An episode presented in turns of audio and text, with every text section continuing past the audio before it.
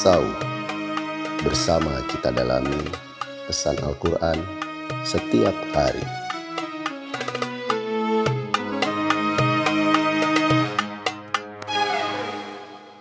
A'udzu billahi minasy syaithanir rajim. Wal arda wada'aha lil anam. Wal arda wada'aha lil anam dan Allah menciptakan bumi yang disediakan bagi makhluk-makhluknya. Jadi dengan ayat ini Allah berpindah dengan membahas tentang penciptaan bumi dan juga karunia atau nikmat yang bisa dirasakan, bisa dialami oleh manusia pada khususnya terkait dengan penciptaan alam dan berbagai fasilitas yang Allah adakan di dalam alam tersebut. Allah memulai pembahasan tentang penciptaan karunia bumi ini dengan menyatakan bahwa bumi adalah ciptaan Allah yang diperuntukkan bagi semua makhluknya.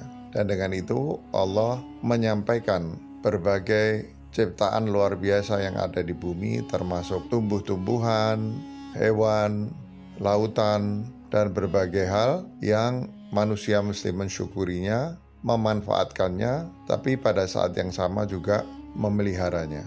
Tampak dari ayat ini, Allah seolah-olah ingin mengatakan, jangan manusia menganggap dirinya sebagai penguasa yang berhak berbuat tidak semena-mena terhadap bumi. Memang Allah SWT menciptakan manusia dalam sebaik-baik bentuk. Memang Allah SWT menundukkan segala sesuatu selain manusia kepada manusia, tapi itu tidak berarti manusia boleh mengeksploitasi isi bumi dengan seenaknya sendiri yang bisa berakibat keseimbangan alam semesta itu terganggu. Dan jika keseimbangan alam semesta itu terganggu, maka justru kemampuan bumi yang diciptakan oleh Allah Subhanahu wa Ta'ala untuk semua makhluknya yang di dalamnya manusia diberi kelebihan untuk mengelolanya, akan pada gilirannya menghancurkan manusia itu sendiri, atau sedikitnya manusia akan mengalami kerugian karena kemampuan bumi, alam, dan segala isinya ini justru berkurang jika manusia tidak bisa mengelolanya dengan baik. Di sini jugalah kiranya makna karunia Allah SWT kepada manusia yang menjadikannya sebagai khalifah Allah SWT. Sekali lagi, khalifah bermakna perpanjangan tangan atau deputy, ya, wakil. Dalam hal ini wakil Allah di muka bumi.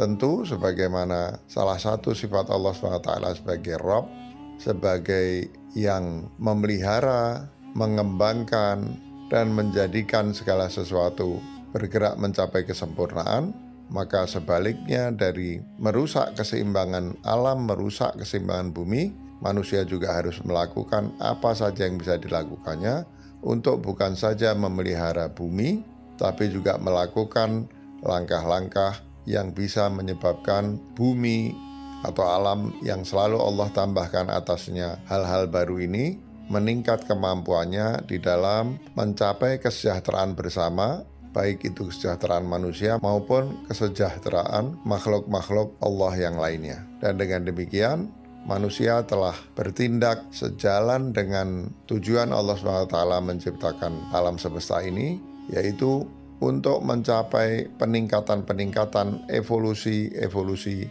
menuju keadaan yang selalu lebih baik demi mencapai tujuan penciptaan itu sendiri.